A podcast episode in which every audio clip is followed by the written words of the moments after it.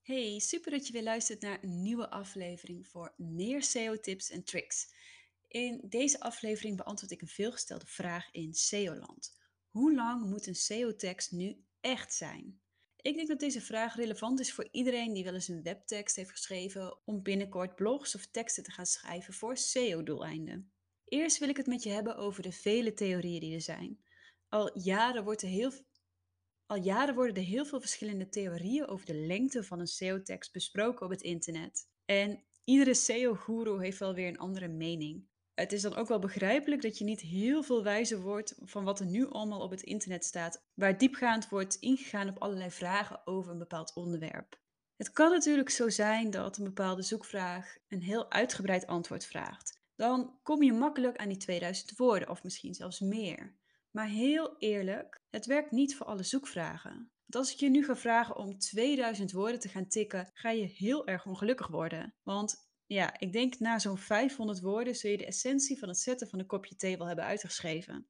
Ga je dan toch voor die 2000 woorden, dan ga je opvullende content ontwikkelen. En die extra content is niet kwalitatief, niet relevant voor de zoekvraag en daarom niet interessant voor de persoon die deze vraag stelt aan Google. De conclusie? Deze theorie is niet toepasbaar op iedere SEO-tekst. Natuurlijk zijn er SEO-teksten die baat hebben bij deze methode, maar het is geen one-size-fits-all oplossing. En nog een reminder, want gezien we sinds dit jaar de Helpful Content Update hebben in Google, kan ik zeggen dat deze 2000 woorden theorie grote bullshit is. Met hoogwaardige, kwalitatieve en relevante content te vullen. Heeft je website veel pagina's met opvullende content en dus geen kwalitatieve content? Dan gaat de algemene autoriteit van je hele website naar beneden en dat wil je natuurlijk niet. Wil je meer weten over deze Helpful Content Update? Luister dan podcast nummer 22. Zo bereid je je voor op het nieuwe Google-algoritme. De link naar deze podcast staat in de beschrijving van deze aflevering. Oké, op naar theorie 2.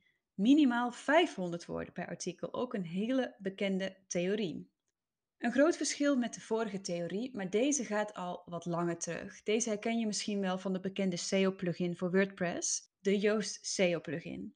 Hierin krijg je een groen vinkje als je minimaal 500 woorden hebt geschreven op één pagina. Ook deze theorie vind ik kort door de bocht, want wie weet heb ik na 500 woorden nog niet het volledige antwoord gegeven op de zoekvraag. Het algemene antwoord op de vraag hoe lang moet een SEO-tekst echt zijn, is er dus eigenlijk niet dat heb je nu waarschijnlijk zelf ook wel kunnen concluderen. Het antwoord dat ik al jaren geef op deze vraag is: de perfecte lengte voor een SEO-tekst is wanneer je de zoekvraag op de meest kwalitatieve en relevante manier beantwoordt. Geen woord langer, geen woord korter. Schrijven voor SEO betekent dat je specifieke zoekvragen beantwoordt voor zoekmachinegebruikers. Dat is wat je moet doen. Het opvullen van een tekst met fluff verlaagt de kwaliteit van je SEO-tekst. Beantwoord dus alleen de zoekvraag en ga niet de hele tekst aanvullen met van alles en nog wat. Dat maakt een tekst minder kwalitatief. Google zelf heeft nooit een duidelijk antwoord gegeven op deze vraag. Sinds kort zijn ze aan het testen met quick read labels bij de zoekresultaten. En dit is voor mij een signaal dat Google op dezelfde manier het algoritme insteekt als hoe ik al jaren over de lengte van een SEO-tekst denk.